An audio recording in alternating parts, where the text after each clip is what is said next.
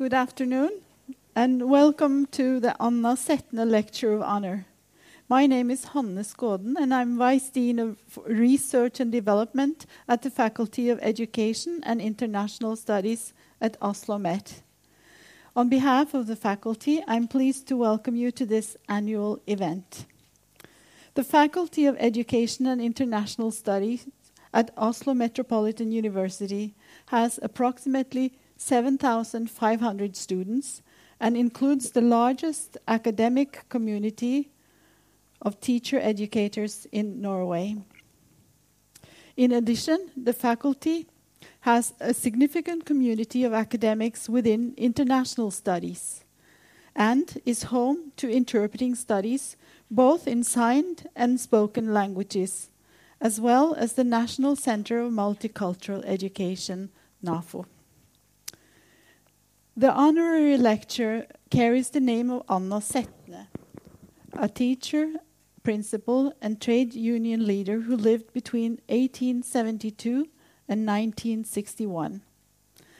An innovator educational methods, Anna Sethne was a pioneer and important pedagogical leader who introduced the progressive education movement to the Norwegian school system inspired by the ideas of John Dewey and Maria Montessori, among others.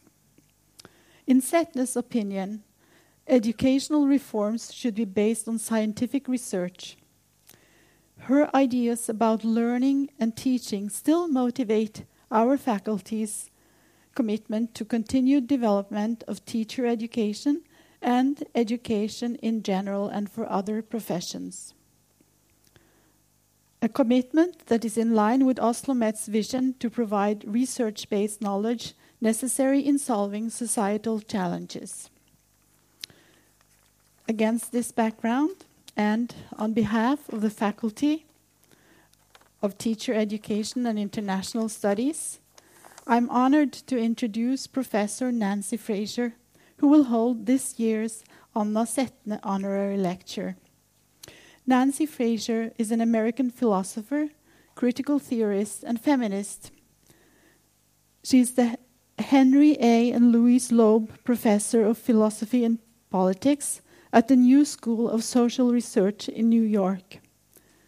Fraser has also taught philosophy and political science at the Northwestern University and Stanford and several European universities as visiting professor the holder of numerous awards and honors. Nancy Fraser is a prominent mediator of research and scientific knowledge, and one of the leading intellectual voices in our time.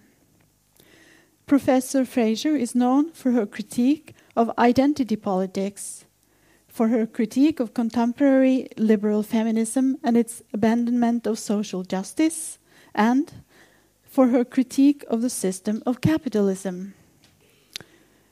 Fraser has published on a wide variety of issues, but she is primarily acknowledged for her works on the philosoph philosophical conceptions of justice and injustice.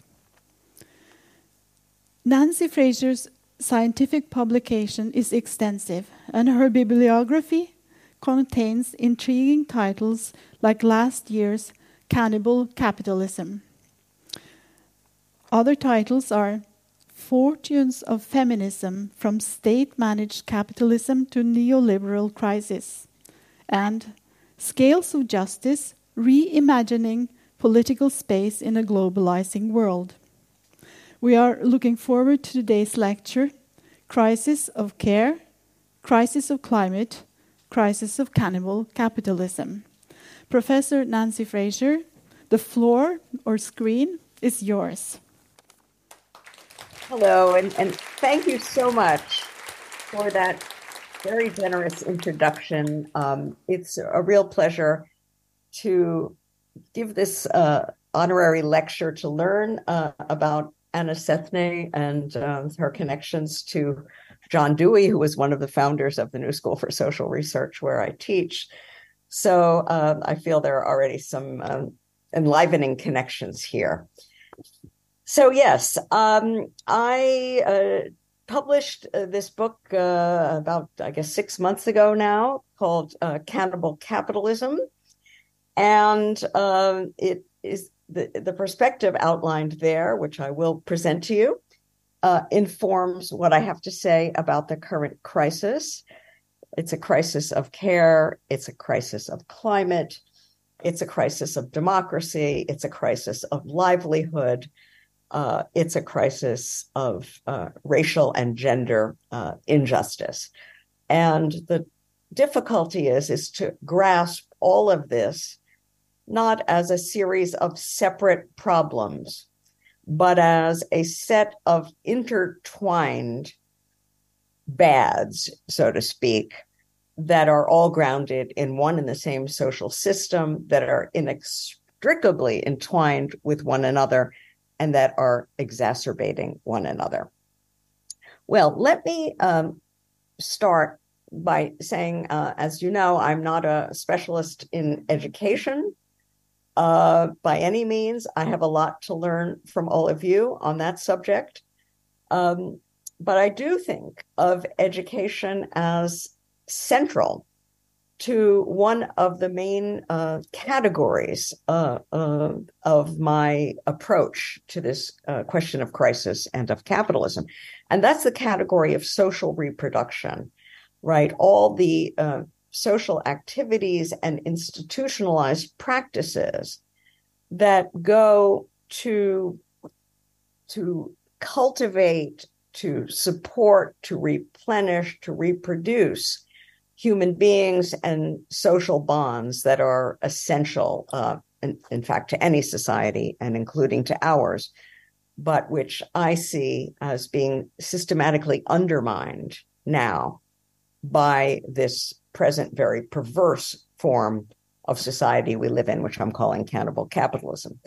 So, um, the education component, I'll try to point out as I go along, uh, fits into this category of social reproduction and is a, a central aspect of what I think of as the current crisis of social reproduction. Now, I often uh, quote the young Marx, who has famously uh, described critical theory as the self clarification of the struggles and wishes of the age. And if that's right, and I think it's a, a rather good uh, definition of what critical theory is or should be, then we have to ask how should critical theory or critique be envisioned in a period like the present, which is, as I said, is a period of general crisis, a crisis that is not merely sectoral, not confined simply to one strand of trouble in one social sphere, but a crisis that is pervasive, that is engulfing the whole of society. The question, in other words, is what sort of critical theory can clarify a crisis that has multiple strands social, economic, ecological, political, all, as I just said, all intertwined and mutually exacerbating, yet all rooted in one social system, which I want to add generates them non accidentally, but by virtue of its inherent design, structure, and dynamics. What kind of critique can illuminate the diff- disparate social struggles that we see all around us that are responding to this structural crisis? And how can we, what kind of theory can help us assess the prospects for a desirable or emancipatory resolution? My recent work has been aimed uh, at developing and proposing a critical theory aimed at just those objectives. And uh, it is uh, now systematized more or less in this uh, new book, Cannibal Capitalism. The theory traces the roots of our crisis to the constitutive dynamics of capitalist society. In doing that, it integrates Marxian and Polanyian insights with those of feminist theory anti racist and anti imperialist thought, ecological and democratic theory. And it draws on all those sources in order to expound a new account of what capitalism is an account of its institutional structure, its crisis tendencies, and the grammars of social struggle that are characteristic of it. On this view, as I'll explain in some detail uh, shortly, capitalism is no mere economic system, but something much larger. It's an institutionalized social order that also includes the economy's underpinnings, its supports or background conditions. And in fact, the theory identifies four extra economic supports that are absolutely essential for a capitalist economy. First, a sizable body of unwaged and underwaged care work that is aimed at the social reproduction of human beings and human communities, work that, as we know, is constitutively gendered and has largely, although not exclusively, been performed by women. Second condition massive quantities of land and labor that are expropriated from subjugated peoples, populations that are uh, especially uh, uh, or overwhelmingly racialized and or indigenous peoples. Third, an incalculable sum of, in quotes, free gifts and cheap inputs extracted from non human nature. And finally, a large fund of public goods and governance capacities that are supplied outside the market system by public powers, especially by states. The argument, which I'll explain in some detail in just a minute or two, is that in the absence of these extra economic supports, a capitalist economy could not function. And yet, the system incentivizes investors and owners to grab these things freely, to help themselves to them with no obligation to replenish what they take or to repair what they damage. The overall arrangement, let me suggest, is deeply perverse. It's like a serpent that eats its own tail. And the cover of my book shows the Ouroboros, the this uh, ancient image of a serpent that eats its own tail, got up uh, to look like a, um, a currency symbol, like somewhere between the sign for the pound, the euro, and the dollar. Um, I, I, think the people who designed this cover were were kind of geniuses. I, I love the way they did it. Um, well, so um, it's like the Ouroboros, uh, uh, a system uh, that uh, eats its own tail and, and is therefore wired to cannibalize the bases of the system's own existence, or even worse, which are the bases of our existence. So this system, non accidentally, in my view, periodically precipitates crises, ecological, political, and social as well as economic. It entrenches multiple structural injustices, not just class exploitation, as Marx taught us, but also, also as deeply entrenched structurally injustices of gender and of race or ethnicity. And finally, the system precipitates multiple forms and multiple sites of social struggle. The burning question for us today is whether and how the participants in those struggles might coalesce in some kind of broad alliance or counter hegemonic bloc with the heft and vision to transform society in my view, for that to happen, everything depends on whether or not they or we can forge a perspective that connects the dots. So that's what I want to try to do here. Uh, I want to connect some of the dots. I've given you a very grandiose sort of a, account of uh, things, but but the dots are are the crucial thing. And I want to do that actually by talking about the COVID 19 pandemic. The pandemic, we hear frequently, served as a perverse diagnostic, right?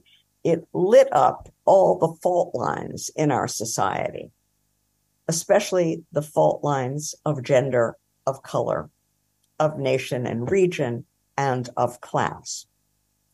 But what I want to suggest, all of that is true, but we need to hear more. We haven't yet heard enough about the social system that generates those fault lines. Even though I'm going to suggest it's the same system that has brought us the virus in the first place and that has blocked our efforts to deal effectively with it. So, what I want to do here, in effect, is to stop tiptoeing around that question and cut to the chase.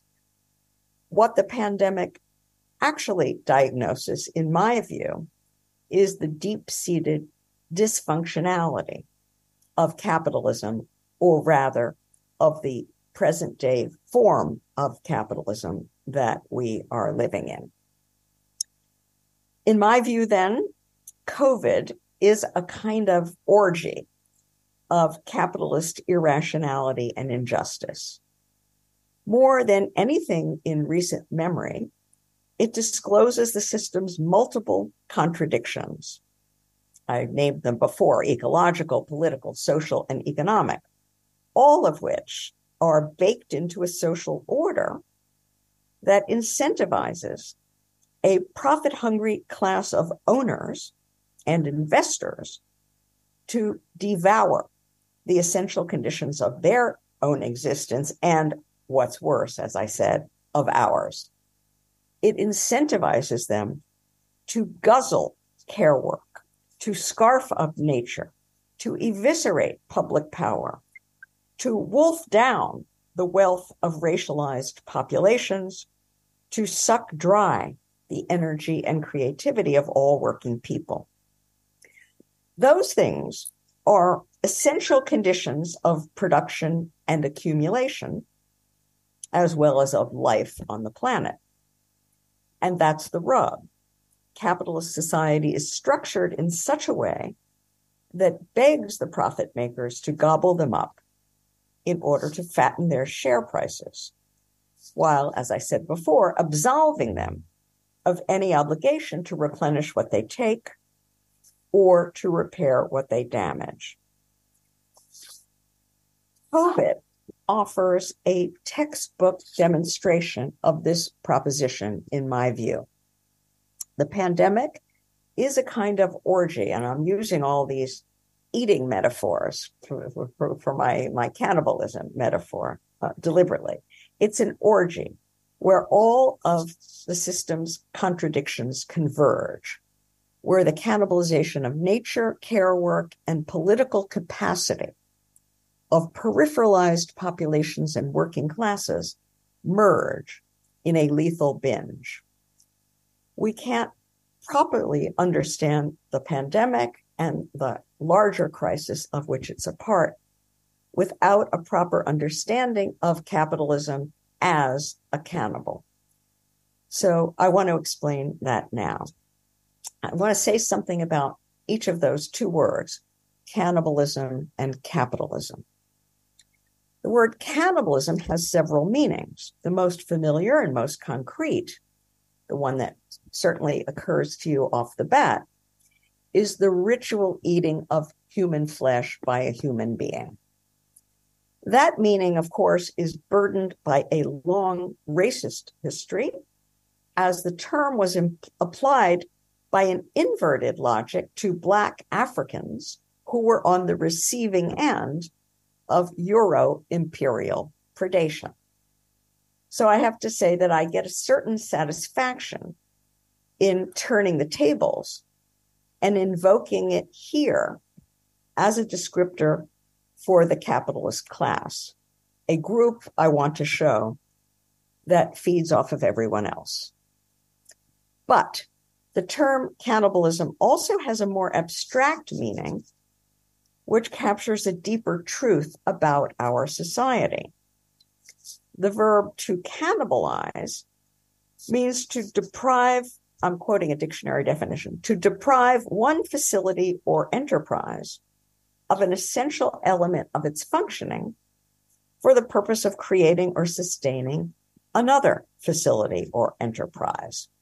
That I want to show is a pretty good approximation of the relation of capitalism's economy to its non economic precincts, to the families and communities, to the habitats and ecosystems, to the state capacities and public powers whose substance the economy is allowed, indeed invited, to consume in order to engorge itself. There's also a specialized astronomical meaning to the term cannibalism. A celestial object is said to cannibalize another such object when it incorporates mass from the latter through gravitational attraction. That, I want to suggest, is an apt characterization of the process by which capital draws into its orbit natural and social wealth from peripheral zones of the world system. And there is finally, as I already mentioned, the Ouroboros, the self cannibalizing serpent that eats its own tail, depicted on my book's cover. That's a fitting image as well for a system that's wired to devour the social, political, and natural bases of its own existence. So I'm suggesting that this cannibal metaphor offers a number of promising avenues for an analysis of capitalist society. All right, so much for cannibalism. What about the term capitalism? The word is commonly used to name an economic system based on private property and market exchange, wage labor, and production for profit. But that definition is too narrow, obscuring rather than disclosing the system's true nature. Capitalism, I'm arguing here, and I already mentioned this, better designates, designates something larger a societal order that empowers a profit driven economy to prey on the extra economic supports it needs in order to function. Wealth expropriated from nature and from subject peoples, multiple forms of care work, chronically undervalued when not wholly disavowed, public goods and public powers, which capital both requires and tries to curtail the energy and creativity of working people. These things do not appear on corporate balance sheets, and yet they are forms of wealth and they are essential preconditions for the profits and gains that do appear on those balance sheets. Vital underpinnings of accumulation they too are constitutive components of the capitalist order. In other words, the problem is we have whole indispensable categories of social wealth and natural wealth that are discounted, all for the sake of increasing that small slice of monetized wealth known as economic value that the system elevates. Okay. For me, then, the term capitalism refers, as I said, not to a type of economy, but to a type of society, one that authorizes an officially designated economy wired to pile up monetized value for investors and owners while devouring the non economized wealth on which their gains depend. Serving up that wealth on a platter to the corporate classes, this society invites them to make a meal of our creative capacities and of the earth that sustains us. Now, that's a recipe for trouble. Capitalist society, as I said, is primed to devour its own substance. It's a veritable dynamo of self destabilization, which periodically precipitates crises, even as it routinely eats away at the bases of our existence. Now, this idea of capitalism that I've just sketched, I think of as an enlarged view of capitalism, not just the economy, but the whole society that includes the relation of economy to everything defined as non economy. It represents an alternative to received understandings, which focus too single mindedly on the system's official economy. These received understandings identify the core injustice of the society with the exploitation of free waged workers at the point of commodity production. They designate the system's defining irrationality as its tendency to precipitate economic crises.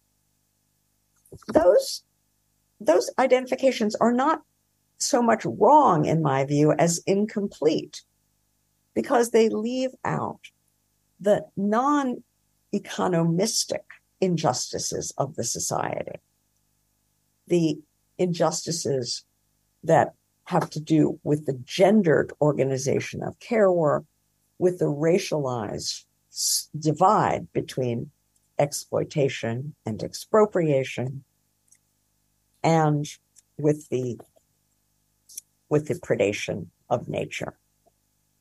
So, what I'm suggesting is that the enlarged view gives us a, a much uh, more complete sense of the constitutive injustices in the system and of the constitutive crisis dynamics of the system.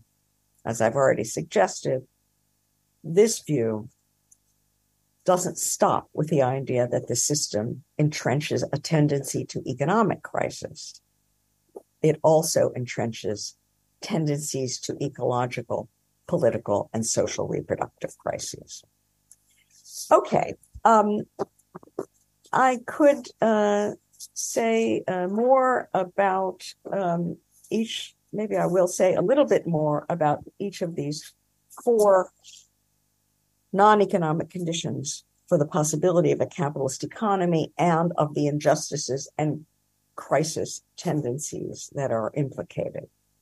The first condition I mentioned is a sizable fund of un or underwaged labor devoted to social reproduction. Labor, of course, that includes housework, the birthing and rearing of children, the care of adults, including waged workers, the, the elderly, the unemployed, as well as children, all aimed at making and sustaining human beings. And here we have to also talk about education, about healthcare, about housing, about all of these uh, components, many of which um, are have been were assumed as public responsibilities, at least to some degree, in some capitalist countries in the preceding period, uh, but which have been put under great pressure and strain in the current neoliberal phase of capitalism. Without these things, there could be no workers, no labor power, no necessarily or surplus labor time, no exploitation, no accumulation, no profit, and so on. Um, yet, capital grossly undervalues social reproduction when it doesn't disavow its value at all. It's unconcerned to replenish them and seeks to avoid paying for them insofar as it can.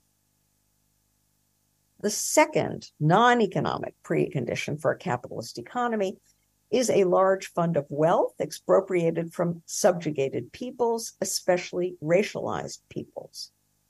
This wealth includes dependent, unfree, and unwaged or underwaged labor, but also expropriated land, looted mineral and energy deposits, even human bodies and bodily organs, children and reproductive capacities, all serving as, I hate to use this language, inputs to capitalist production, for which capital pays little or nothing.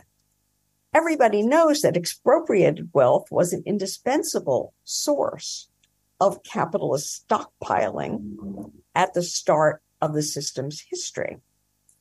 But it did not cease with the system's maturation.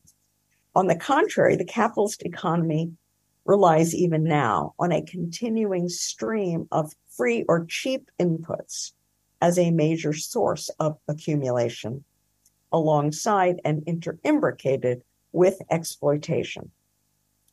Absent the expropriation of subject peoples, the exploitation of free workers would not be profitable. And yet, here again, capital disavows its reliance on this sort of wealth and refuses to pay for its replenishment. Third, a large fund of free gifts and or cheap inputs from non-human nature. These, we know, supply the indispensable material substratum of capitalist production, the, uh, the raw materials that labor transforms, the energy that powers machines, the foodstuffs that power bodies, and all the general environmental conditions, such as arable land, breathable air, potable water, a habitable climate, the carbon carrying capacities of the Earth's atmosphere. If it weren't for those natural inputs and general ecological conditions, there would be no economic producers or social reproducers, no wealth to expropriate or free labor to exploit, no capital, no capitalists, etc. And yet, capital treats nature as a source of free or very cheap gifts to which it helps itself, but fails to replenish or repair. A fourth and final precondition for a capitalist economy is a large fund of public goods supplied by states and other public powers. These include legal orders that guarantee property rights, contracts, and free exchange, repressive forces that ensure order, put down rebellions, manage dissent, and enable expropriation, both within and beyond state territory, a money supply that stores value and enables transactions across broad swaths of time and space, transport and communications infrastructure, and a variety of mechanisms for managing system crises. And as I said before, some part of the social reproductive infrastructure, including education, belongs in this category as well. Absent these public goods, there could be no social order, no trust, no exchange, no sustained accumulation, no human society, in effect. Yet capital tends to resent public power and seeks to weaken it, to evade its regulations, and to evade the taxes that are necessary to sustain it. Now, each of those four conditions represents an indispensable presupposition of a capitalist economy, each harbors social relations, social activities, and forms of social wealth that together form the sine qua non for accumulation. So, behind capitalism's official institutions, wage labor, production, exchange, finance, behind those stand their necessary supports and enabling conditions families, communities, nature, territorial states, political organizations, and civil societies, and not least of all, massive amounts and multiple forms of unwaged and expropriated labor. Fundamental to integral to capitalist society, these things too are constitutive elements of it. Capital, I conclude once again, is no mere economy, but something larger that includes all of this and the very perverse contradictory relations between the economy and its background conditions. Those of you who know the work of Karl Polanyi might notice a sort of heavy dose of Polanyian thinking here about the relation between economy and society. And he's sort of my second Karl, so to speak. Uh, in, in what I'm doing here, I'm trying to integrate insights from what the guys I think of as the two Karls, Marx and Polanyi. Uh, uh, I won't say more about that, but we can, we can discuss it later if you like. So um, this is a um, an account uh, then uh, drawing from the two Karls, and um, I think it it's the kind of conception that we need in order to understand what's going on now. So let me turn now to the present crisis and let's, I want to look at it through the lens of the COVID pandemic. I want to mobilize that perspective that I just outlined in order to give you a way of thinking about the present, uh, in which all of those contradictions and perversities and injustices that are built into cannibal capitalism become visible and almost undeniable in the pandemic. The pandemic, as I suggested, is a kind of a switch point where all of the system's injustices and irrationalities converge, where, as I said, cannibalization of care work, nature, political capacity, peripheralized populations, and working classes merge in a lethal bin. Binge, sorry. So here then is a way of, of looking at the pandemic through this lens of cannibal capitalism. Let me begin with nature, which is the site of the system's ecological contradiction.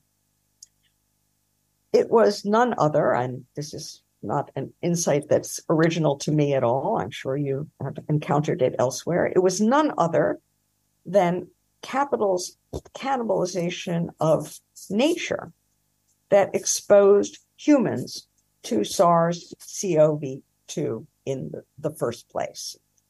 That's uh, the virus that causes COVID 19. And we know that it was long harbored by bats in remote caves and made the zoonotic leap to us in 2019 by way of some bridging species, which has not yet been um, authoritatively identified. One candidate uh, has been pangolins. Even if we don't know what that bridging species is, we do know what it was that brought the bats into contact with that species and what brought that species into contact with us. And that was the combined effects of global warming on the one hand and tropical deforestation on the other.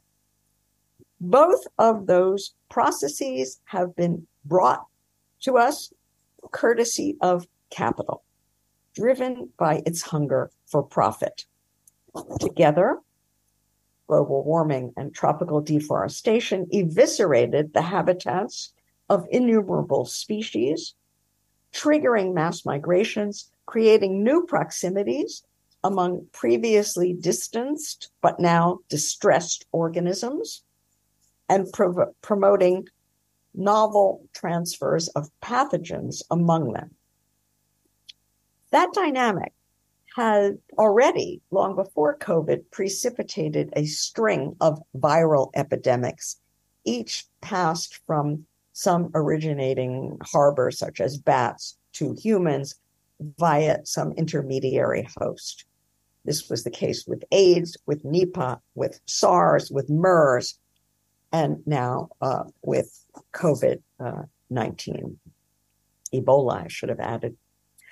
The point is that COVID 19 is not the last. More of these pandemics are sure to come. They are the non accidental byproducts of a social order that puts nature at the mercy of capital, incentivized to appropriate biophysical wealth as quickly and as cheaply as possible with no responsibility for repair or replenishment. Those who are dedicated to amassing profits decimate rainforests and bombard the atmosphere with greenhouse gases. Hellbent on accumulation in every era, but massively empowered by neoliberalization, they have let loose an escalating cascade of lethal plagues. Well, COVID's effects on humans would be horrific under any conditions, but they have been incalculably worsened by another strand of the present crisis, rooted in another structural contradiction of capitalist societies, one that has also been sharpened to a fever pitch in the neoliberal era. It is, after all, not just nature that capital has cannibalized in this period, but also public power.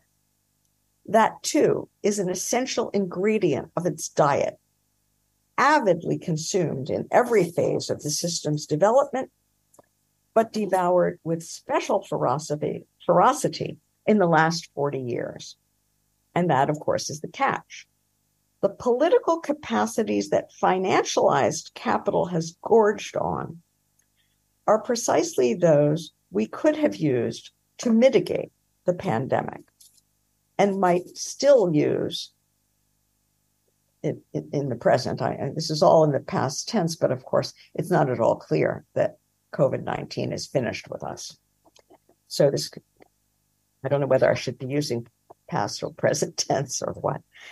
Anyway, um, no such luck. Uh, well before the COVID outbreak, most states had already bowed to the demands of the market by slashing social spending, including in public health infrastructure and basic research. With a few exceptions, notably Cuba, they drew down stockpiles of life saving equipment they gutted diagnostic capacities. They shrank coordination and treatment capacities. And uh, having eviscerated public health infrastructure, they devolved vital healthcare functions to profit driven providers and insurers, pharmaceuticals, and manufacturers. These firms, which are constitutionally uninterested in and unconstrained by the public interest, now control the lion's share of the world's health related resources, the labor forces and raw materials, the machinery and production facilities, the supply chains and intellectual property, the research institutions and personnel, all the things which together determine our fates, individual and collective committed to preserving their profit streams, these firms form a private force majeure that blocks concerted public action on behalf of humanity. The effects are tragic, but unsurprisingly, a social system that subjects matters in life of death to the so called law of value was structurally primed from the get go to abandon untold millions to COVID 19. But that's not all. The collapse of already weak public systems converged with another structural contradiction of capitalist society, the one centered on social reproduction. Always a staple of capital's consumption, care work, and I'm using that term very broadly, has been voraciously gobbled up by it in recent years.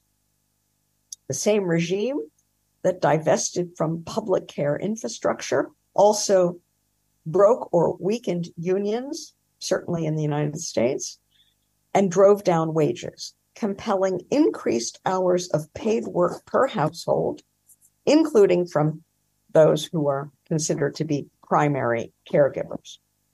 In other words, neoliberalism offloaded care work onto families and communities at just the moment when it was commandeering the social energies those families and communities needed to perform it.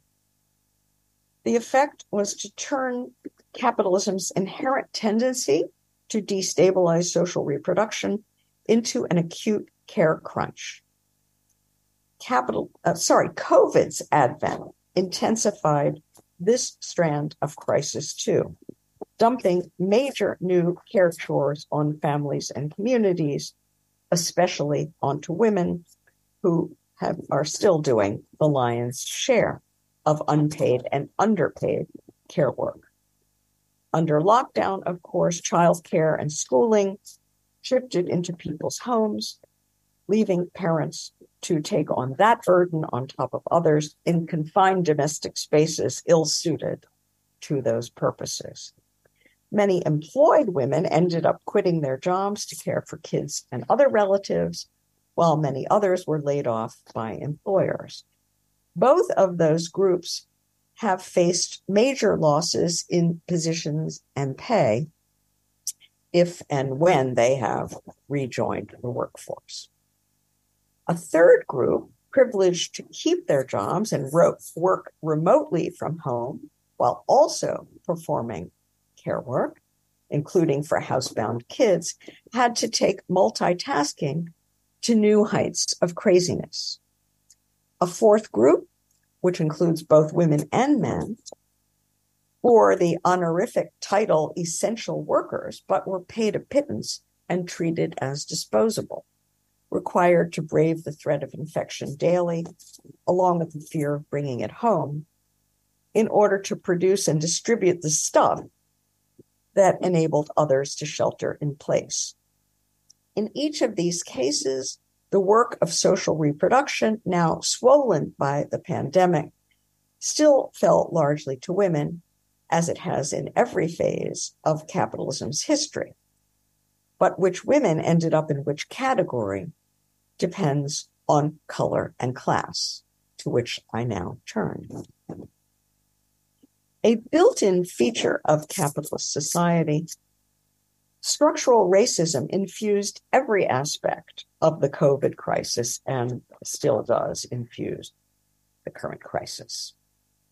At the global level, structural racism colors the ecological strand of crisis as capital quenches its thirst for cheap nature, largely by seizing land, energy, and mineral wealth from racialized populations who've been deprived of political protections and actionable rights. Having been subjected variously to conquest, enslavement, genocide, and other forms of dispossession, those populations now bear an undue share of the global environmental load disproportionately vulnerable to toxic dumping, natural disasters, and multiple lethal impacts of global warming, they have now found themselves last in line for vaccination and therapeutics in the wake not only of COVID 19, but of all the multiple epidemics and pandemics that have preceded and will follow it. At the national level, meanwhile, race inflects the political and social reproductive strands of the crisis. As communities of color were denied access and still are to conditions that promote health, affordable, high quality medical care, clean water, nutritious food, safe working and living conditions. No wonder then that their members are uh, and were disproportionately infected and killed by COVID. The reasons we know are not at all mysterious, poverty and inferior health care, pre existing medical conditions linked to stress, poor nutrition, exposure to toxins, overrepresentation in frontline jobs that could not be performed remotely, lack of resources that would permit them to refuse unsafe work, lack of labor rights that would permit them to win protections, inferior housing and living arrangements that didn't and don't allow for social distancing that facilitate transmission, diminished access to vaccines and therapeutics.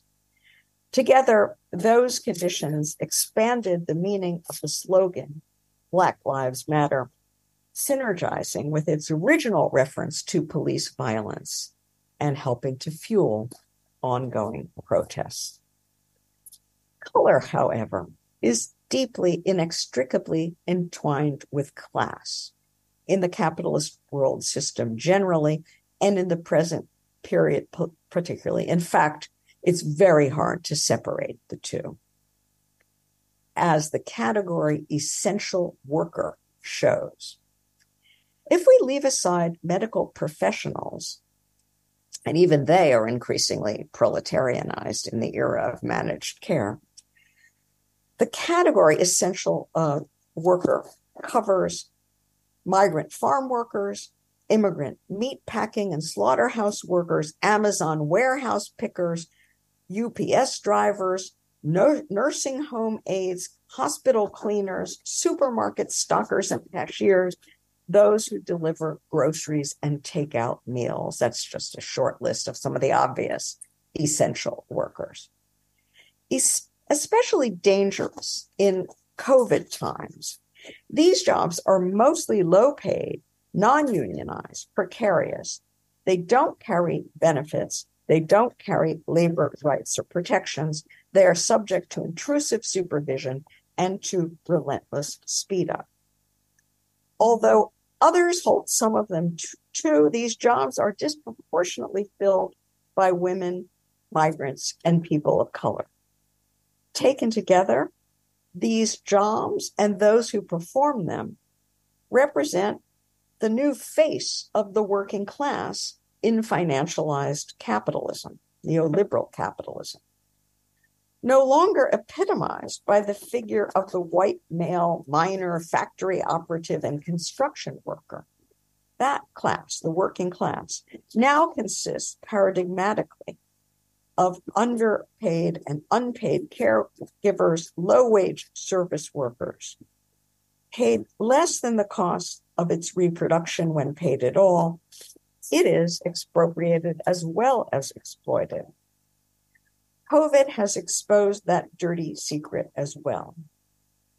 By juxtaposing the essential character of that class's work to capital's systematic undervaluation of it the pandemic testifies to another major contradiction of capitalist society, and that is the inability of markets in labor power to accurately reckon the real worth of work. In general, then, I've been arguing that COVID is a perfect storm or an orgy of capitalist irrationality and injustice by ratcheting up the system's inherent defects to the breaking point, it shines a piercing beam on all the structural contradictions of our society. Dragging them out from the shadows and into the daylight, the pandemic has revealed capital's inherent drive to cannibalize nature up to the very brink of planetary conflagration to divert our capacities away from the truly essential work of social reproduction, to eviscerate public power to the point where it cannot solve the problems the system generates, to feed off the ever decreasing wealth and health of racialized peoples, to not only exploit, but also expropriate the working class. The truth is, we could not ask for a better lesson in critical theory. But now, of course, comes the hard part. How do we put that lesson to work in political practice? I'm not going to answer that question, but end there. Thank you very much for your attention.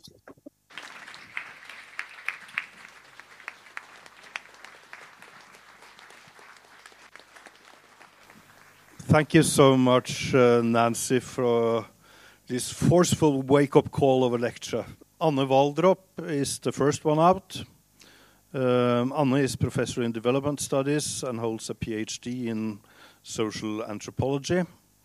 Um, she has done extensive research in urban India with a focus on class, caste, and gender relations, um, in particular women's power and agency in class perspective, and the possibilities for grassroots activism in slum settlements in, uh, in uh, New Delhi. So, please, Anna, the floor is yours. Thank you very much. Let me start by saying thank you for a very thought provoking, interesting uh, lecture that makes us, at least me, want to go out there and fight. um, and also, um, I have some comments first, and um, I'll start by sort of saying something about your previous, um, um, what you on your um, uh, uh, books and works on integrated theory of justice, and then get into your current work. So um, I have uh, previously greatly enjoyed reading some of your earlier works on integrated theory of justice, where you outline three types of injustices. And I'll mention them here for the audience in case not everybody are familiar with them. Namely, uh, economic maldistribution, cultural misrecognition, uh, and lack of political representation and where you point out that it's exactly because of these three types of injustices are integrated with one another in different manners, in different settings, that, that these injustices are hard to fight. Yet, in each empirical specific case, whether it is injustices aimed at a minority ethnic group of, uh, or working class women and men, by untangling the injustices into these three main types, one can use this framework uh, to analyze injustices in different empirical settings and different empirical uh, places. Thus, for instance, I have found it rewarding in my own research in slum settlements in urban India to use this framework to see how these different types of injustices play out in that setting and how the very imbrication of these three injustices, that they are tangled up with one another, provide people with very limited room for protest. Now, in your current uh, talk on cannibal capitalism and your work. I read your book. What I really find interesting uh, in your analysis is again this interest in the whole. Again, an integrated perspective, as I see it, of not only looking at the economic aspect of capitalism, which we are used to, but insisting on capitalism as being something larger than economy. In your latest book, you term it an institutionalized social order that is not solely an order of economic production, but one that depends and feeds on reproductive care work, society, uh, nature, the polity state, and on racialized extraction, as you just have outlined in your uh, talk. At the same time, as compared to the integrated theory of justice that could be applied in all situations of injustice in different empirical situations around the world, in your current talk uh, and your book on cannibal, cannibal capitalism, it is less clear to me how this framework can be applied in different empirical settings. Now, I do realize that your project is of a much larger kind this time, of providing a framework for analysis of capitalism, to understand how capitalism in today's world operate in different spheres that we normally do not think of as part of capitalism. Moreover, that your point or out four different historical periods of capitalism the mercantile, the liberal colonial period, state managed monopoly capitalism, what we could call the welfare state period, and the current globalizing neoliberal period. The question I'm trying to get at is to what extent do you regard these historical periods of capitalism as valid for an understanding of capitalism universally, or if it's mainly an, an analysis of Western capitalism? Put differently, to what extent or in what ways do you regard this framework as relevant for analysis of countries outside the Western world? In terms of the four historical periods, if we look at a period that you term state monopoly capitalism, apart from a few countries like Botswana, Argentina, um, very few countries in the global south have had a welfare state in the manner that we uh, describe, uh, in, we are used to thinking in the Western world. And if we look at care work, reproductive work, for instance, and its relationship to productive work, in many countries in the global south, the relationships between the state, the market, and the family are quite different than in Europe or the US. So then, my question again: uh, How applicable would you say that this framework is for understanding care work, uh, in particular, in countries in the global south? Thank you.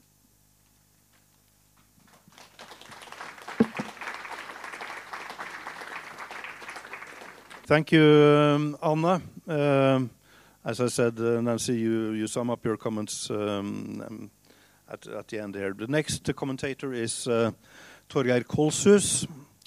Thorgeir is a professor in social anthropology and has worked extensively uh, over many years uh, altogether in uh, the island state of Vanuatu. His main research interests are the driving forces of societal development, in particular the interplay between religion and politics, identity, identity development, and differentiation processes.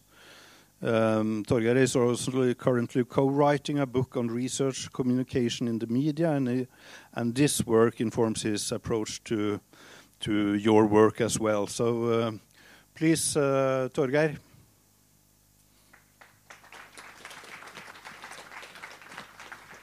Thank you very much, and thank you, Nancy, for uh, what I uh, think is a incredibly productive provocation, both in your talk and your on your work. Uh, uh, I don't know whether I should address you directly. Do you see me properly?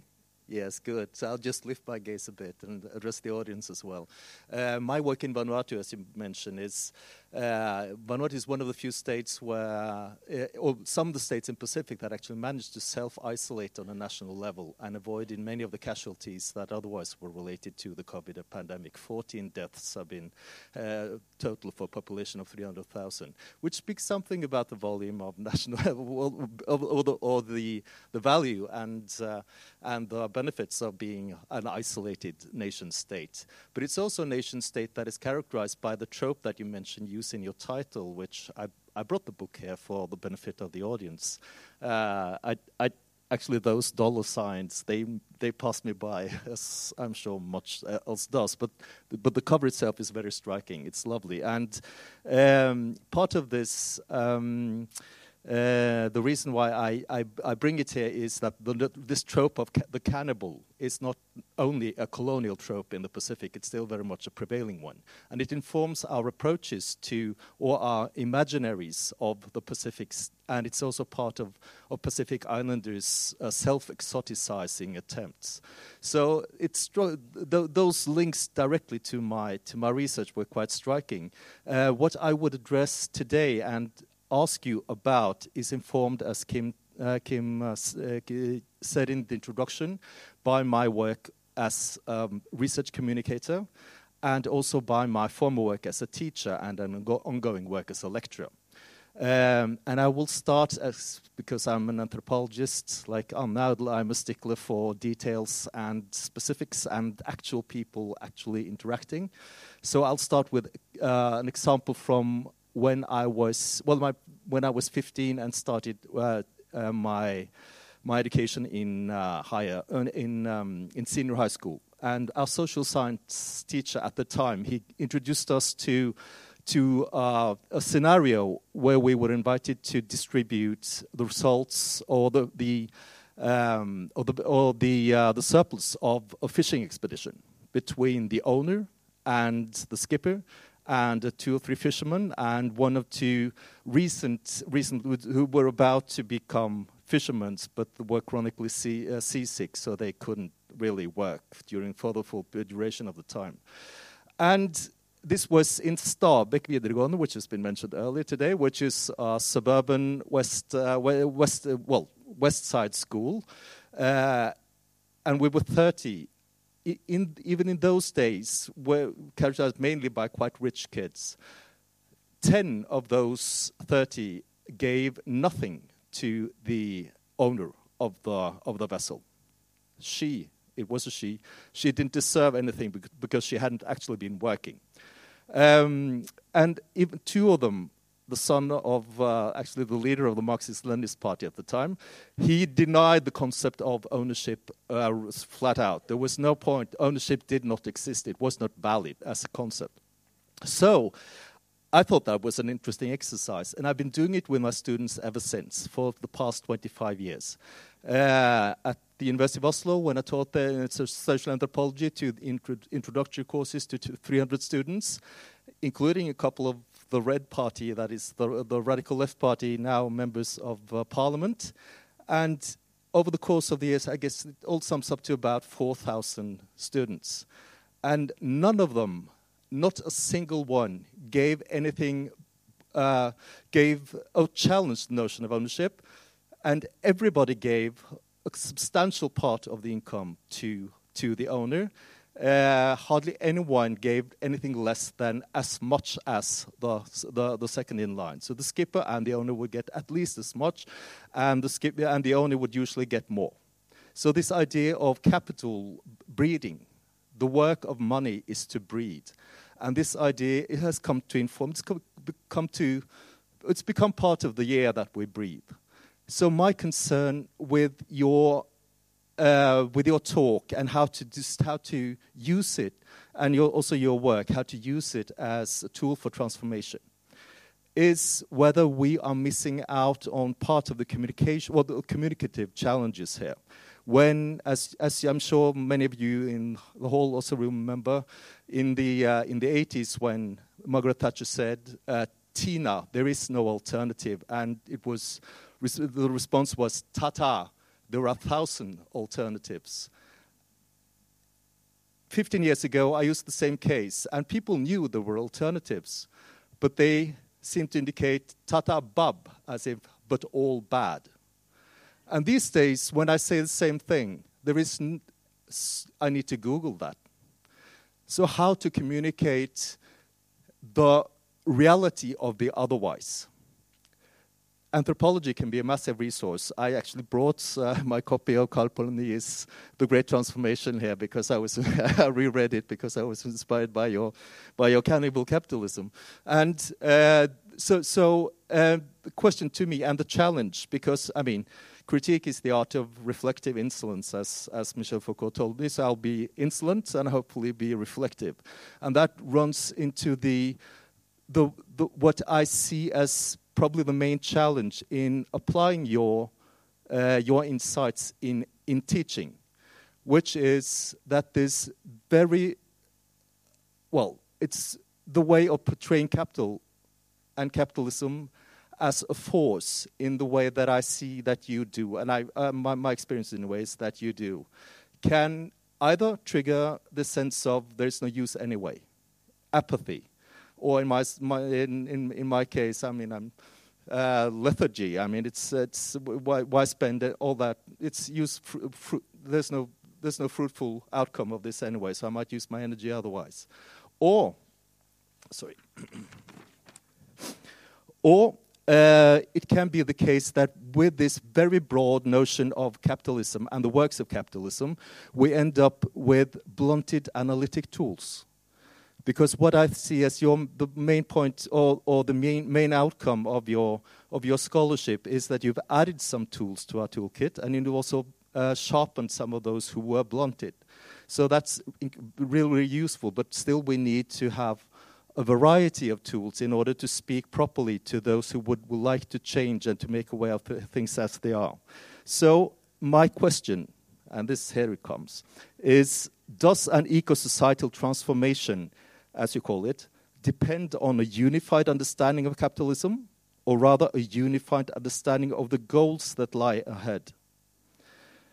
And can you envisage a broad coalition that also includes a reformed social democratic mainstream that arguably still governs the Western world beyond the Anglo American sphere? And my concern is if the answer is no, and it is an all or nothing, that this pedagogical challenge will be insurmountable. But then again, I've been wrong before, so I might be wrong on this one as well. Thank you.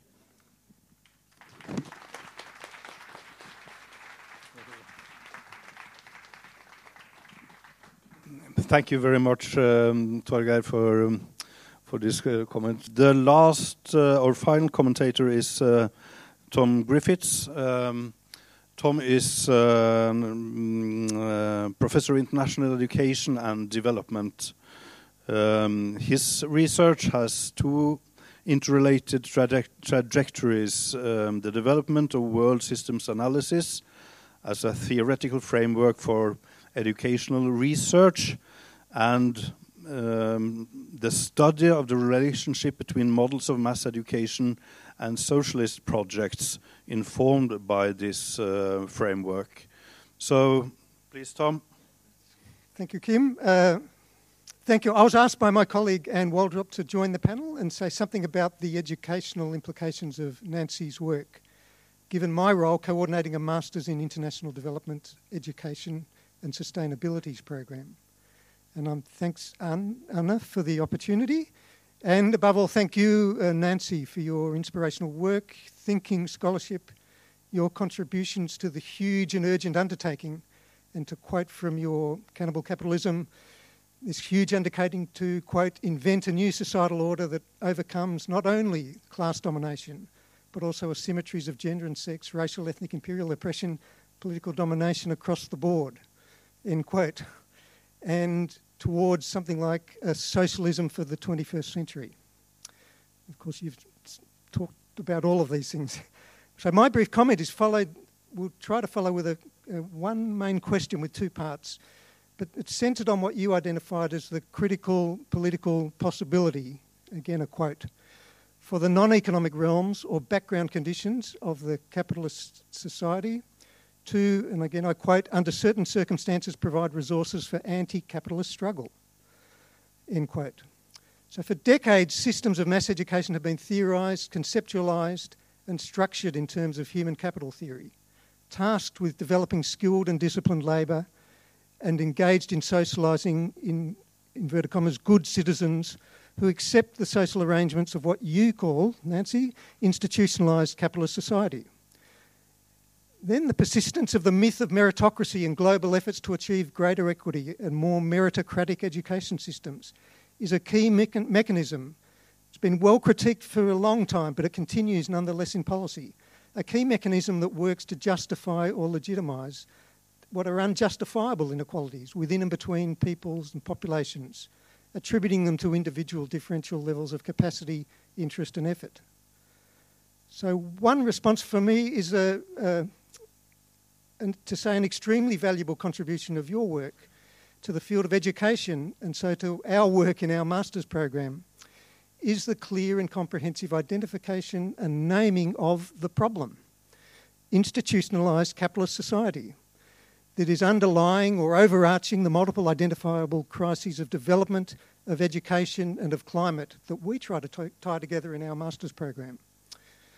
And more specifically to the field of education, your work contributes to our understanding of education as a key institution, as you alluded to, providing the background or enabling conditions for this capitalist society. And like the crisis of care under the neoliberal phase of, cap- of the capitalist world system, we see pressure to reduce or defund public education, often justified by, again, by human capital theories, reference to individualised economic benefits coming from educational credentials to therefore warrant cost cutting or cost sharing in inverted commas. And that comes, but that comes alongside heightened pressure on populations everywhere to attain more and more education, to achieve higher and higher levels of educational credentials, often in order just to try and stand still. Uh, so we, here we see another sharp contribution, arguably weakening the legitimacy of the current hegemonic logic that you outline in your book, uh, when well or at least better re- remunerated, not to, if not to say meaningful or secure jobs, are not forthcoming. Critical pedagogy, whether drawing inspiration from Paulo Freire or Freirean scholars like Antonia Darder, is grounded in efforts to work within this critical political possibility. In this case, teaching within education systems that support the social reproduction of existing capitalist society. So, in this spirit, your work again affirms or asserts, in my view, the potential for such counter hegemonic work within and through sites that are, on the one hand, and again to quote from you, part and parcel of capitalist society, historically co constituted in tandem with its economy and marked by their symbiosis with it, end quote. But on the other hand, they have a weight and character of their own, in the quote, that provides space for other functions or purposes and projects. So, the question out of all of that for me is, is one, if you could tell us a little bit about your thoughts on how such counter hegemonic, anti capitalist, 21st century, century socialist projects could be advanced through educational structures, their curricular and pedagogical systems under our current conditions, and in ways in which those conditions maybe create particular space and resources for this sort of action. And then finally, similarly, for those of us who might be sympathetic to your critique and the need for alternative world system or transformation, what, policy, what possibilities do you see for those of us working in institutions like Oslo Met University, uh, sympathetic academics continue to try and inject these sorts of critiques into their exploration of and exploration of alternatives alternatives into our programs. But should we be doing more? Should we be trying to create new interdisciplinary programs with a more explicit focus on these sorts of questions? Do we need a master's program in 21st century socialism rather than the one we have? I say we laugh, but I say that seriously. And, and what could such a program look like? Is it even feasible? So, yeah, I'll leave it there. Thank you.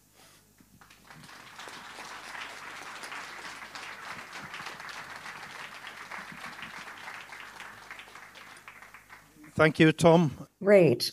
Uh, well, my goodness, those were um, really three uh, extremely rich and and interesting um, comments and questions, and uh, I don't think it, and they they raise very deep and, and difficult questions. So I, am not sure I'll be able to give adequate responses right off the top, but I'll I'll do my best.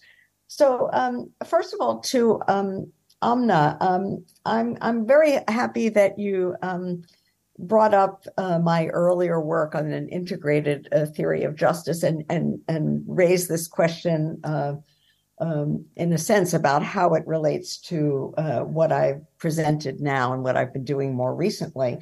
And you're right that in both cases, there is this, um, I guess, um, tick of mine of, you know, uh, a holistic, integrative uh, kind of approach. But um, I want to say that the, the Cannibal uh, Capitalism book um, is really focused on the question of crisis and uh, that very last chapter on uh, socialism in the 21st century sort of raises in the most direct way, you know, what's wrong with capitalism? And and now I'm giving two or or possibly even depending on how you count three answers to that question. One is that it it, it structurally entrenches injustices. And that's where I would fit that older um, three dimensional model of justice. That I still thoroughly believe that and you know sign on to it. Um, but the second answer is that the system is is crisis prone. It's irrational. It's not only unjust but self destabilizing. And you know what I want to say here is that um, a system that that can't help, so to speak, but generate periodic, let's say, just ecological crises, to choose one, would have something wrong with it, even if it were not the case that those injustices were inequitably distributed so that's you know some people faced worse conditions than others so this is a different kind of answer it, it, that it's it's it's bad not just because it's unjust, but because it it generates you know bad conditions uh, for everybody through these crisis uh, tendencies. We a, third thing that I mentioned there is the question of uh, of freedom and especially democratic self determination because the system. I didn't say much about this now, but it, it takes off the political agenda a whole set of absolutely essential questions um, like how should we relate to, to uh, nature? How should we um, uh, organize the relation between those forms of activity that are going to count as paid work and those that that that are not? Uh, you know, there's so many fundamental questions uh, that are off the agenda. So there, there, there's a deficit with respect to justice. there's a deficit with respect to rationality, and there's a deficit with respect to to freedom or autonomy or whatever you want to uh, call that. So um, the the only other point I, I want to um, when you ask how how can this be applied empirically, you know that's really not my strong suit. Uh, I sort of depend on on people who really know how to do empirical work to figure out if there's anything here that can be uh, applied, and if so, how. But I guess I would I would um, just come back to that phrase that I used in the lecture: connect the dots. Uh, you know, uh, uh, what a framework like this does is um, in, encourage that kind of integrated thinking so that when you design research, um, you're um, kind of you you you have a, a kind of a, an angle of vision that is is looking right at things which might not at first glance appear to be central but are you know actually rather important so maybe something like that uh, uh, and then the last point um, about whether um, whether the, the, the periodization of the four uh, stages in the history of capitalism, the four regimes of accumulation, whether those points are valid universally. Um, my intention is uh, that they should be. Whether I've succeeded or not is another question. Um, but the, my idea is that from the very beginning, capitalism has been a world system. I mean, it starts with the so called discoveries and conquests and New World slavery and, uh, and, and, uh, and, and, so on. So, um, from the beginning, it's always, there's always some kind of a core periphery dynamic. You can't understand either of those poles, core or periphery, let alone all the important intermediary poles, semi periphery, whatever language you want to use. You can't understand any of those, right, as an isolated uh, space of its own. It's always a relation. So um, when I, I again, the, the, you know, how I'm not a, a historian, how how well I executed uh, is an open question. But in every chapter in Cannibal Capitalism where I, I go through those regimes and whether it's in relation to the ecological issue, in relation to social reproduction, to uh, democracy, and the political, uh, and uh, to uh, racial imperial. In, in every chapter, I'm trying, I'm try- giving you a name for the global you know phase and then i'm trying very carefully to distinguish how the core periphery relation creates rather different conditions in core from periphery, but but because of the causal imbrications. Um, I would say more specifically uh, about the the welfare state phase that with decolonialization you have the aspiration to create the developmental state with a whole set of ideas about import substitution, industrialization, and so on and so forth. Of course, the the terrible irony is that the the aspirations are doomed to be only partially uh, realizable at if at all because of the um, both prior uh, looting and the ongoing forms of wealth siphoning uh, that you know uh, just you, you don't have the state capacities and the access to uh, resources and so on in a in a world system that's still premised on unequal exchange of some kind. So, um, uh, but yeah, but the aspiration is interesting. It's a kind of echo in a different situation of the democratic welfare state idea in the wealthy core with unequal capacities for realizing. So anyway, that's the uh, that and, and and what I am claiming now, maybe this is controversial. One last point is that that that in the scrambling of that old three world traditional core periphery model um, with the relocation of manufacturing away from the historic core um, with the um, weakening of, of of trade unions and of uh, and the introduction of very precarious, low paid service work in the historic core.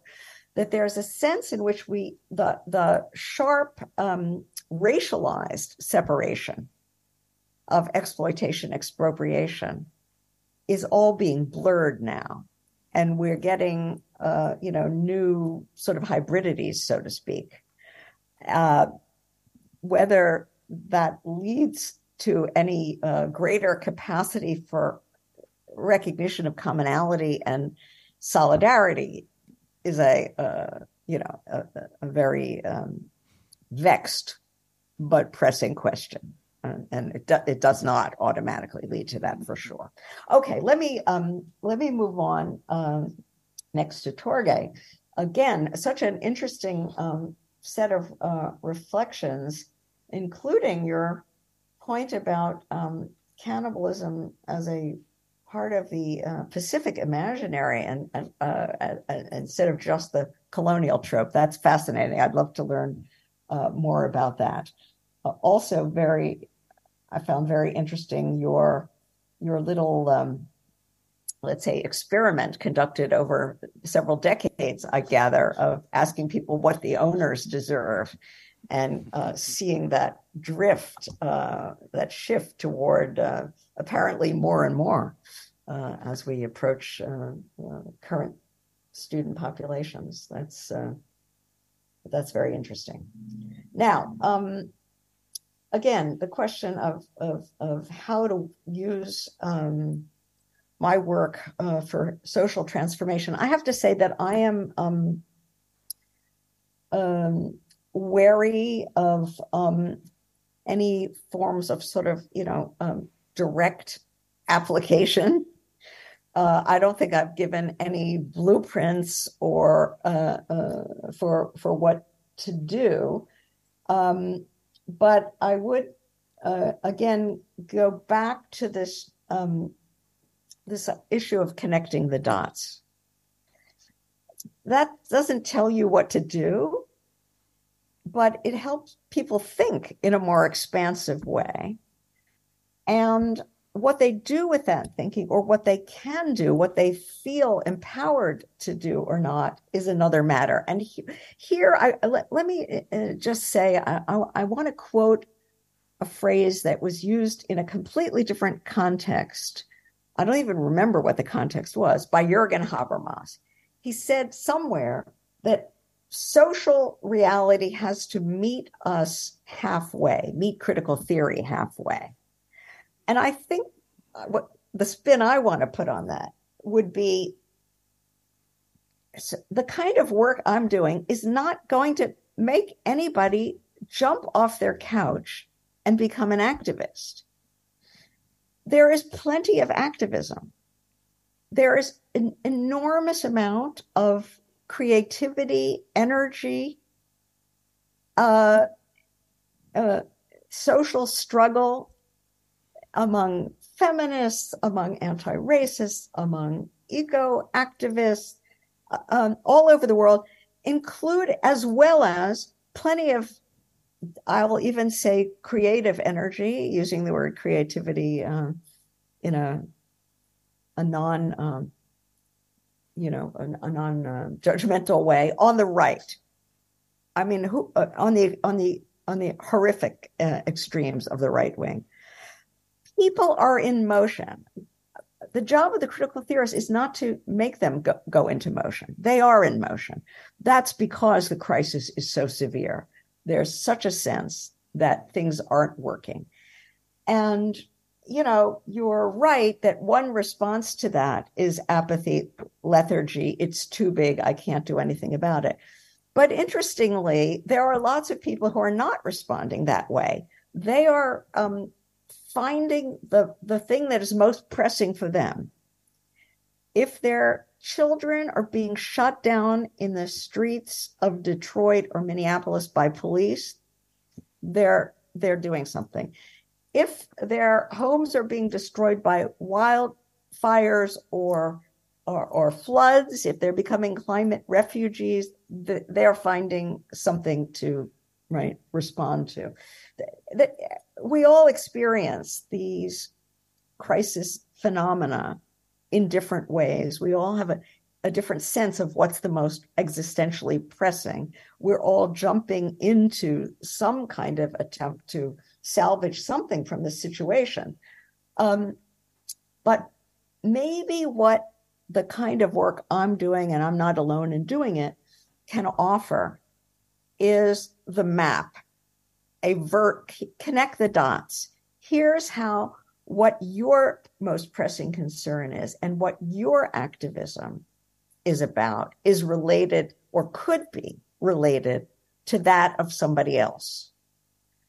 Here's um, how um, you could find a way of identifying some potential allies who might at first sight not really seem to care about what you care about or not care about it to the same degree uh, it, this is a way of, of a map on which you can help understand your relations to other movements, other struggles, both friend and foe. And it's important to emphasize the foe as well, because this uh, this is a wild scenario that we are living in, uh, with the collapse of you know, the sort of neoliberal hegemony that all we need is less government red tape, more free market.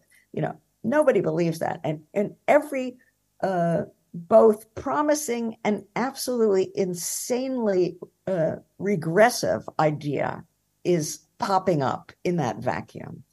So uh, some kind of a map that connecting the dots. That's the I think that's the most I could claim um, to offer. Um, Okay, Nancy, I, th yeah. I, I, think I, um, I cut you off there for the, for the moment and okay. and and, and uh, try to take us somewhat in the direction of education. Um, and crisis has been the uh, has no doubt been the um, the key word of the day. Um, and uh, as an historian of uh, of education, I would say that crisis is almost close to the normal in um, the development of schools and education throughout uh, throughout history. Uh, uh, we started out uh, talking about Anna Setneher and the progressive movement of which she and John Dewey, Maria Montessori was part of was was a kind of response to a perceived crisis in schooling by the by the start of the 20th century, uh, and uh, more recently uh, for example, Ronald Reagan's A Nation at Risk in 1983, uh, and here in Norway, the, um, the so-called PISA shock in 2001, in 2001 uh, um, created powerful images of of a crisis that changed both school and educational ideas. Uh, and I will suggest that perhaps today we are in the middle of a developing new educational crisis nothing mm -hmm. nothing very unusual, but perhaps uh, perhaps this this one digs deeper than than um, than many of them so, um, as we have seen um, seen uh, in the in the past century. Uh, at least uh, since World War II, World War II, we have like to think that uh, think of education and almost unquestionable good that gives more equal opportunities, social mobility, regardless of class, gender, ethnicity, and so forth. Uh, in short, more justice uh, to society.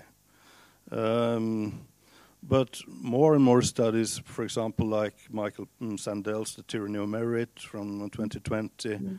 um, which is clearly inspired by Thomas Piketty's work as well, uh, and several others suggest that the current polarization and social and political conflict that are on the rise in in the western in many parts of the western world also develops and deepens along educational lines um, school and education in many places now seem to create more inequality, quite contrary to the widespread political hopes and uh, and most conventional wisdom. Education is good, of course. There are questions.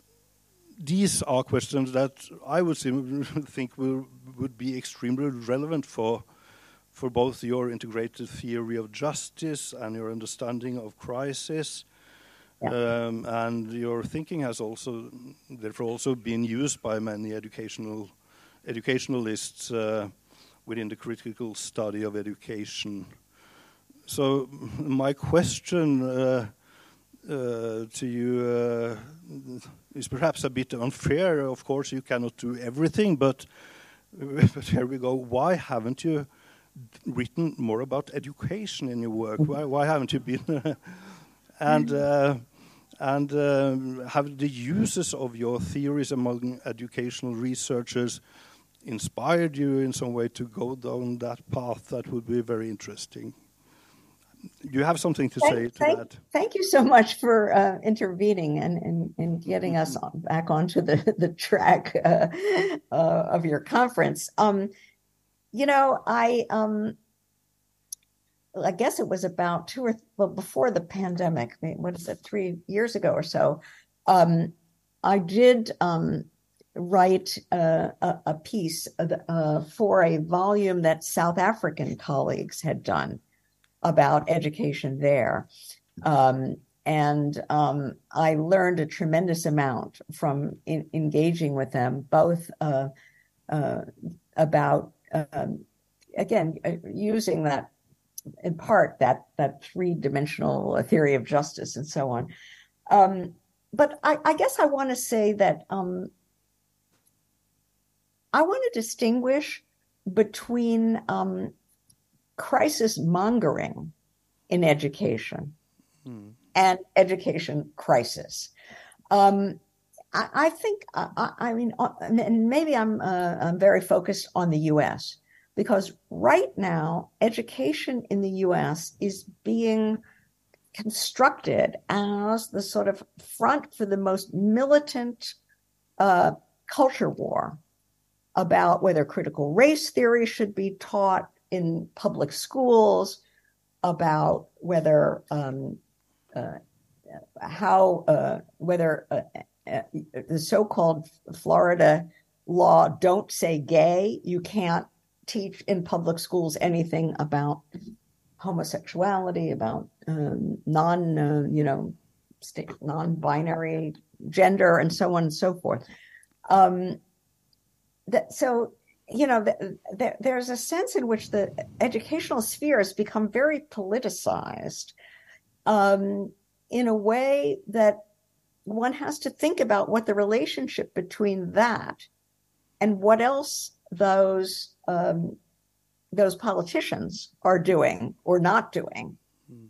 Uh, right? I mean, uh, it, it's almost supplanting for us. It's almost supplanting abortion as the sort of the thing that's going to suck up all the oxygen mm.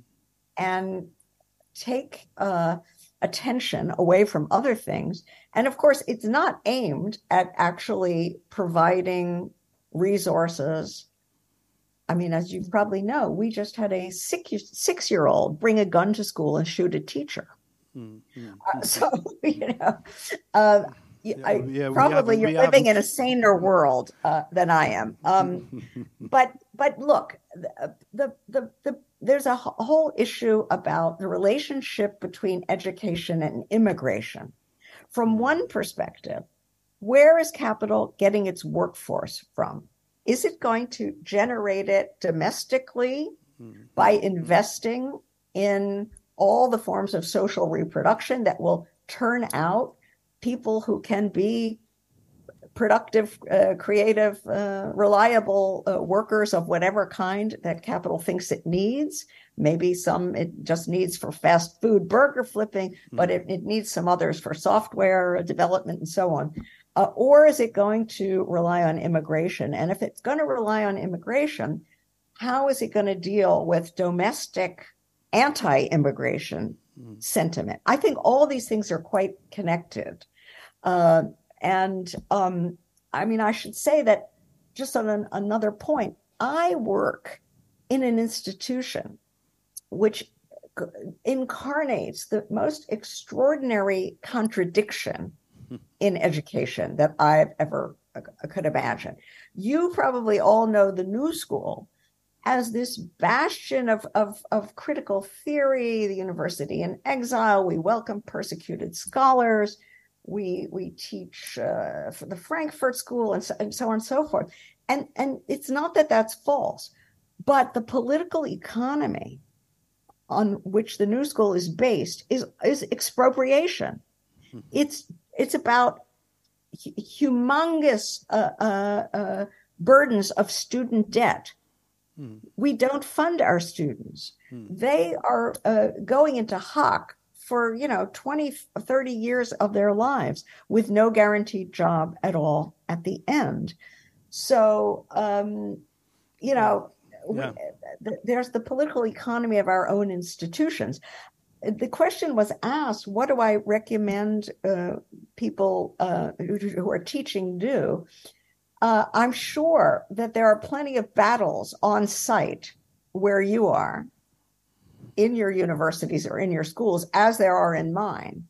Um, i mean we're uh, we're fighting um, uh, uh, issues about unionization about the what part-time whether we should detenurize and, and to have only part-time work we're fighting huge battles of that sort i'm mm. sure you have your own as well as fortunately yeah. we don't have to fight yeah. what should be taught at the new school well well nancy yeah, um, yeah um, norway definitely um, is definitely not america but uh, but uh, interestingly enough uh, there are scholars here in the educational field that use the that use your theories and i know that one of them are sitting uh, sitting here, Ingvild Bjordal, uh, working at uh, Norwegian um, University of Science and Technology, has um, had much um, inspiration in your theories when working with a, a PhD some years ago. And uh, before we open up, Ingvild, uh, will you say um, a few words about your project and how you have um, used uh, Nancy Fraser's work in your own educational research? In my research on privatization and marketization policies and how it's been adopted and uh, translated in the Norwegian school context, I have found your framework of social justice very helpful, both to identify on what terms neoliberal politics are introduced, but also to identify and articulate, articulate what characterizes the conflicts that may arise when market led policies are introduced within education. And uh, what I mm-hmm. find in my research using your framework is that while market led policies introduced through measures such as parental choice, publication of test results, and competitive funding systems where the money follows the students, while it's been justified on the premise that it will strengthen parents' representation, involvement, and democratic participation, the politics in action have negative consequences when it comes to distribution of resources between schools and students and ethnic and social segregation. And while these findings confirm international research and highlights how neoliberal politics may come in conflict with egalitarian values that traditionally have been treasured within the Norwegian school model, uh, politicians from both sides of the political spectrum have been very reluctant to reverse the policies.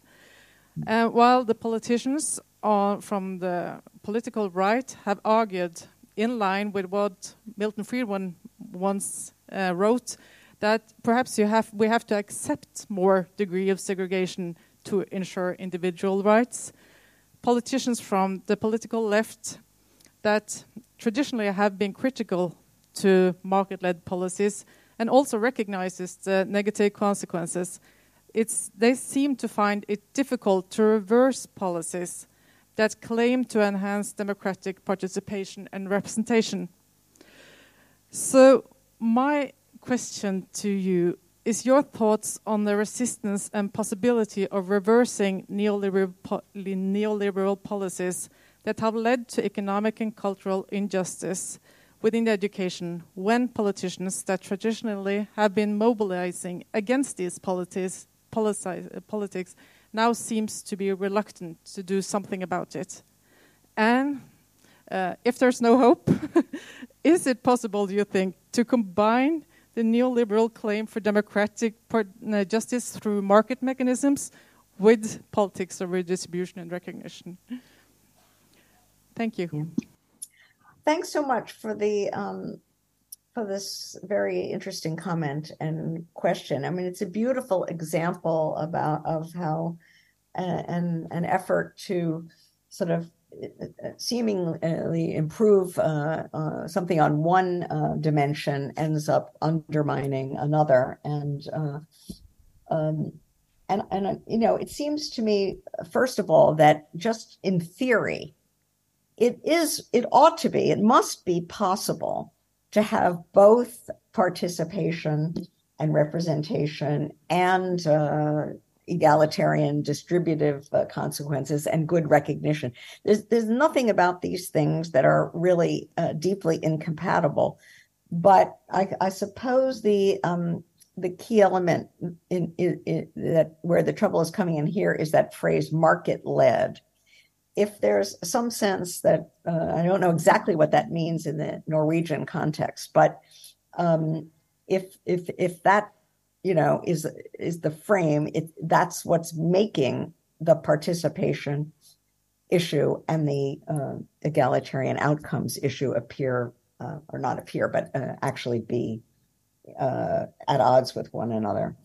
Um, again, I I don't know. Um, I mean, and if that's if, if what I just said is right, then um, it seems to me that we're we're gonna uh, this will not change un, until the whole question of the role of market uh, forces and and and market objectives and and so on in education is itself challenged or begins to lose its hegemony. I think that would be the key here. Mm-hmm. Um, the the if if if politicians who would have um, been staunch egalitarians in the past are finding it hard to speak speak out now on this issue. Um, it's not the same politicians, but from the, perhaps from the same parties that. Sorry. well, yeah. I, again, I, I don't know enough about the situation there. Uh, but but anyway, um, I, I mean, it isn't if if if people are for either because they firmly believe it or are too demoralized or uh, whatever to so challenge the overall marketizing frame, then you know you're you're not going to I mean, I think it, it's not until those questions begin to lose their hegemony mm-hmm.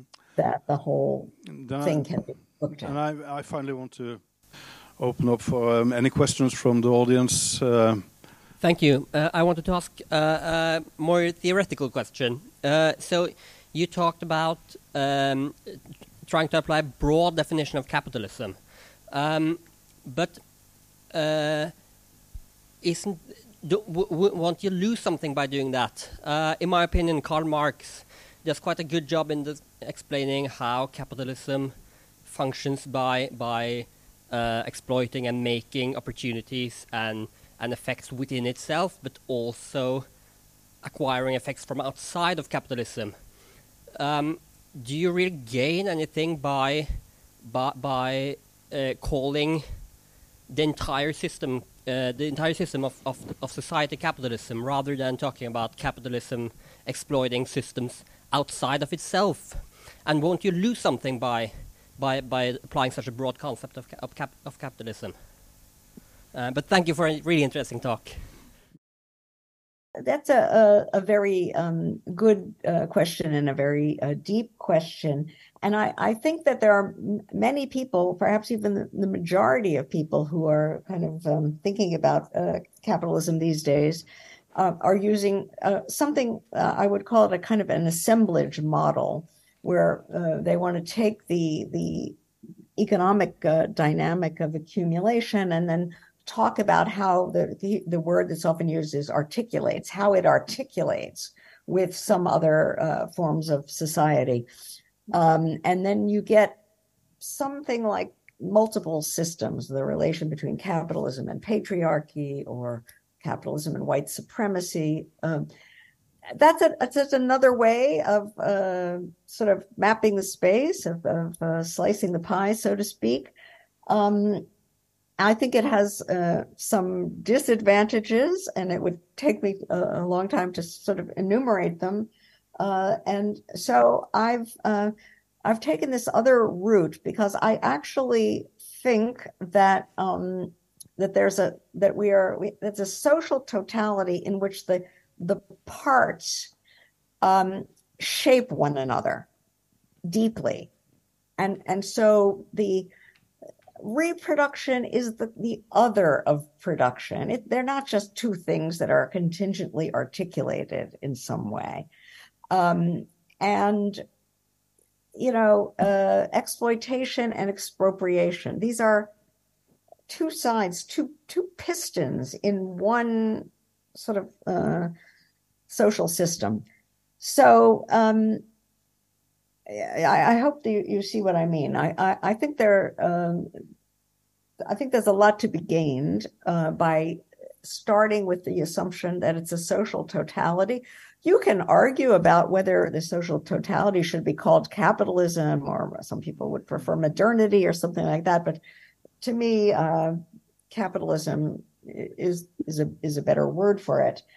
And um, I don't believe, by the way, that I'm sacrificing any of the insights of, of Karl Marx. Uh, uh, I think I'm actually filling in um, a lot of ideas that he had but did not work up systematically. You will find many uh, references to uh, families and gender and all kinds of other things in, in, in Marx. Uh, what I'm trying to do is, is, is give them the same level of systematicity that he gave to the accumulation dynamic and the exploitation dynamic, mm-hmm.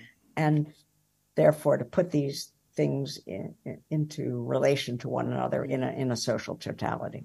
Yeah. I guess I'll have to leave it at that. Professor Fraser, I would just like to thank you for your very insightful and uh, elaborate analysis of world order or perhaps disorder under the capitalist system as uh, we see today. You know, the mandate for the uh, Anna Sethne honorary lecture it says that it uh, should be designed to provide inspiration for academic innovation and for discussion. And I think we have, or you have accomplished both today. So thank you very much.